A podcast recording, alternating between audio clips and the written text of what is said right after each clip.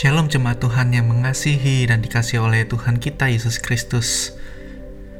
Hari ini saya akan membawakan renungan seorang murid yang bertemakan kita kawan sekerja Allah. Namun sebelum kita merenungkan lebih jauh lagi, lebih dalam lagi kita berdoa terlebih dahulu. Mari kita berdoa.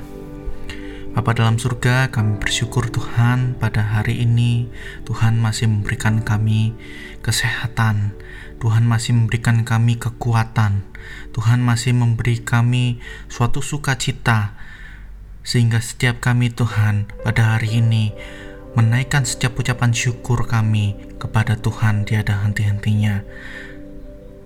Sebentar lagi Tuhan kami akan perenungan firman Tuhan sebelum kami melakukan setiap aktivitas kami. Kami mau melandaskan setiap hidup kami kepada firman Tuhan. Biarlah firman Tuhan pada hari ini Tuhan boleh menjadi benih yang baik, boleh menjadi pelita bagi setiap kehidupan kami sehingga setiap kami terus berpadanan dengan firman Tuhan. Sertai siap kami dan kami menyerahkan waktu pemberitaan firman Tuhan ini, perenungan ini. Dalam nama Tuhan Yesus Kristus kami berdoa dan bersyukur. Haleluya. Amin. Jemaat yang terkasih, mari kita membaca bersama-sama di dalam surat Paulus kepada jemaat Korintus di dalam 1 Korintus pasal yang ketiga ayat yang pertama sampai ke 9. 1 Korintus pasal yang ketiga ayat pertama sampai 9. Demikian firman Tuhan. Dan aku, saudara-saudara, pada waktu itu tidak dapat berbicara dengan kamu seperti dengan manusia rohani, tetapi hanya dengan manusia duniawi yang belum dewasa dalam Kristus. Susulah yang kuberikan kepadamu, bukanlah makanan keras, sebab kamu belum dapat menerimanya, dan sekarang pun kamu belum dapat menerimanya, karena kamu masih manusia duniawi. Sebab jika di antara kamu ada iri hati dan perselisihan, Bukankah hal itu menunjukkan bahwa kamu manusia duniawi dan bahwa kamu hidup secara manusiawi? Karena jika seorang berkata, "Aku dari golongan Paulus," dan yang lain berkata, "Aku dari golongan Apolos," bukankah hal itu menunjukkan bahwa kamu manusia duniawi yang bukan rohani? Jadi, apakah Apolos? Apakah Paulus? Pelayan-pelayan Tuhan yang olehnya kamu menjadi percaya, masing-masing menurut jalan yang diberikan Tuhan kepadanya. Aku menanam, Apolos menyiram, tetapi Allah yang memberi pertumbuhan. Karena itu, yang penting bukanlah yang menanam atau yang menyiram, melainkan Allah yang memberi pertumbuhan. Baik yang menanam maupun yang menyiram adalah sama, dan masing-masing akan menerima upahnya sesuai dengan pekerjaannya sendiri. Karena kami adalah kawan sekerja Allah, kamu adalah ladang Allah, bangunan Allah. Jemaat yang terkasih, perikop yang telah kita baca tadi 1 Korintus pasal 3 ayat 19, kita dapat melihat bahwa ada perpecahan yang terjadi di dalam jemaat.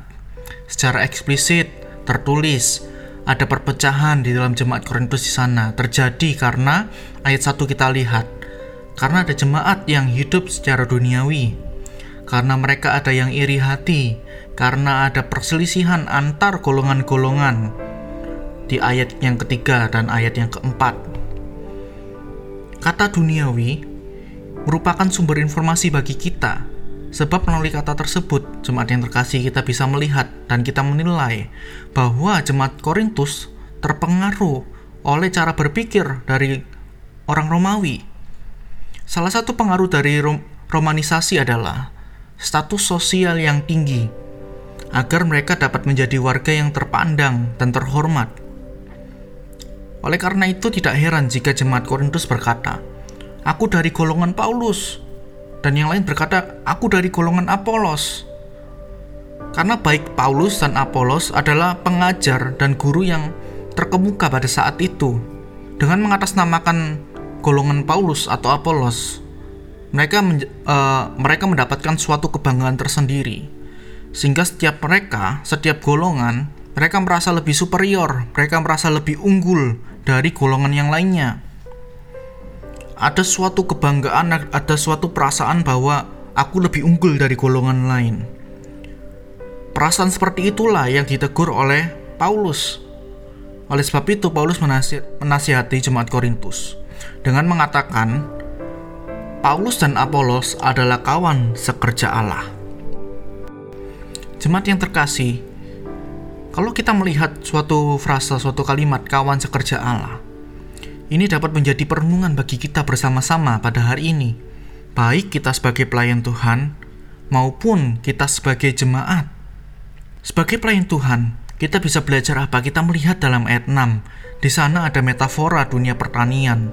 Metafora tersebut adalah cara Paulus untuk mengingatkan setiap pelayan Tuhan bahwa kita memiliki tugas, kita memiliki fungsi dan peran masing-masing.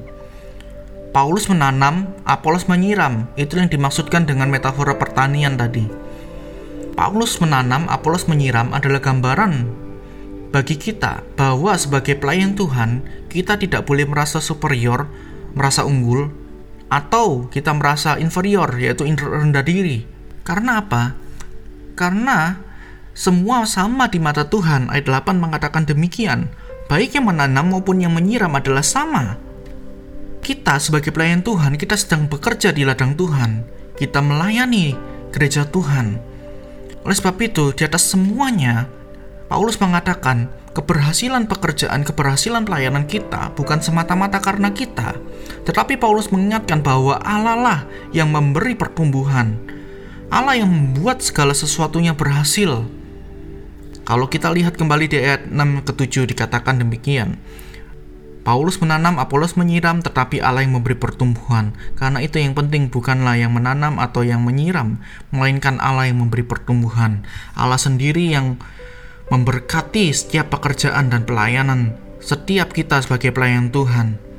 Jemaat yang terkasih, kita sebagai pelayan Tuhan, marilah kita merenungkan bagian ini bahwa sebagai pelayan Tuhan, kita semuanya sama di mata Tuhan. Tidak ada yang lebih unggul, tidak ada yang lebih rendah. Jemaat yang terkasih, mari kita sebagai pelayan Tuhan, kita bekerja sama, kita bergandengan tangan, kita selalu berpartisipasi di dalam setiap kesempatan yang ada. Karena kita tahu, kita sedang melayani Tuhan. Kita sedang melayani gereja Tuhan dan semuanya itu untuk kemuliaan nama Tuhan. Segala keberhasilan kita bukan karena kuat dan kehebatan kita, karena firman Tuhan pada hari ini mengingatkan pada kita bahwa hanya Tuhan yang membuat segala sesuatunya berhasil, karena Tuhan sendirilah yang memberikan pertumbuhan. Jemaat yang terkasih, selanjutnya sebagai jemaat, mari kita merenungkan bersama-sama firman Tuhan ini bahwa kita tidak boleh memiliki cara berpikir dan gaya hidup yang keduniawian. Jangan sampai pengaruh atau cara pandang dunia masuk ke dalam kehidupan kita, yakni murid Kristus. Dunia mengajarkan kepada kita bahwa kita harus memiliki status sosial yang tinggi agar kita menjadi orang yang terpandang dan terhormat. Secara tidak sadar, Bapak Ibu yang terkasih, kita sebagai gereja Tuhan, kita juga dapat terpengaruh cara berpikir yang demikian, bagaimana kita bisa menilai diri kita terpengaruh atau tidak? Kita dapat melakukannya dengan mengajukan pertanyaan demikian, jemaat yang terkasih.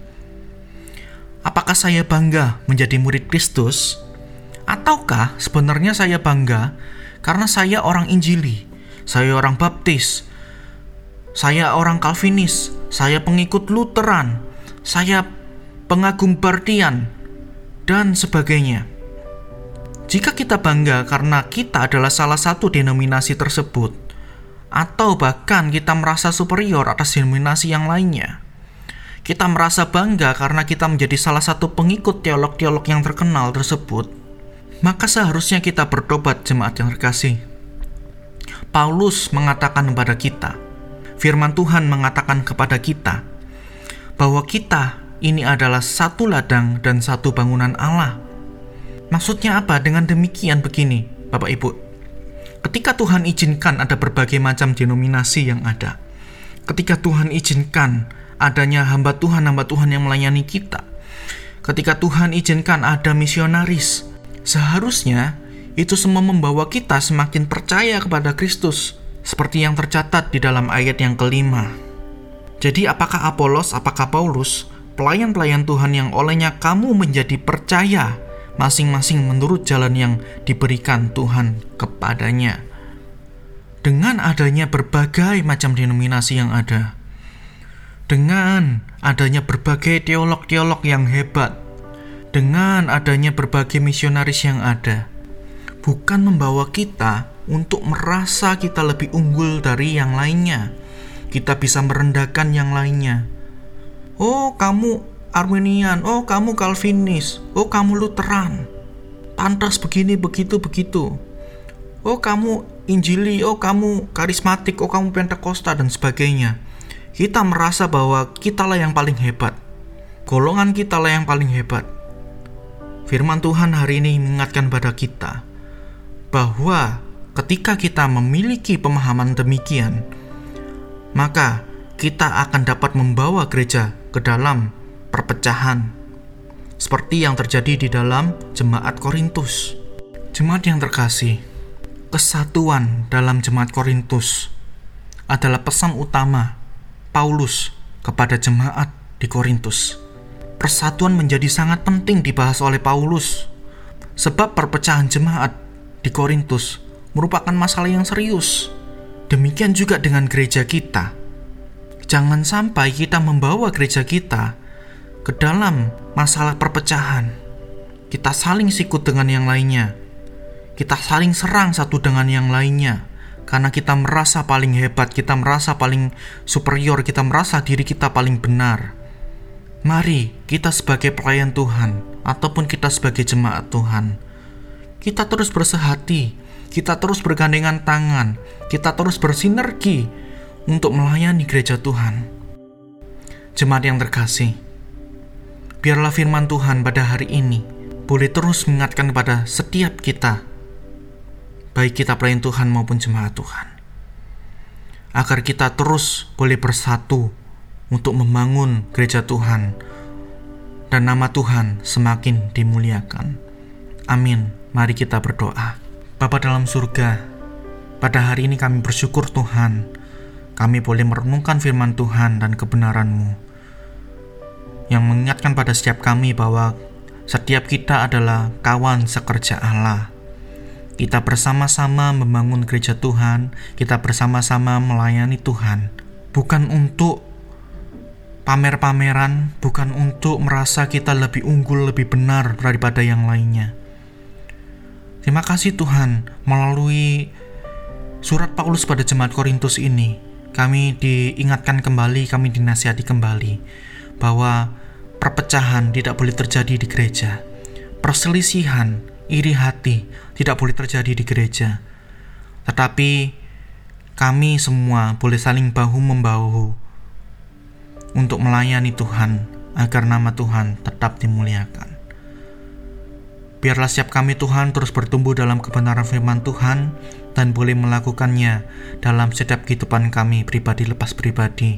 Terima kasih Tuhan, hanya dalam nama Tuhan Yesus Kristus kami berdoa dan bersyukur. Haleluya. Amin.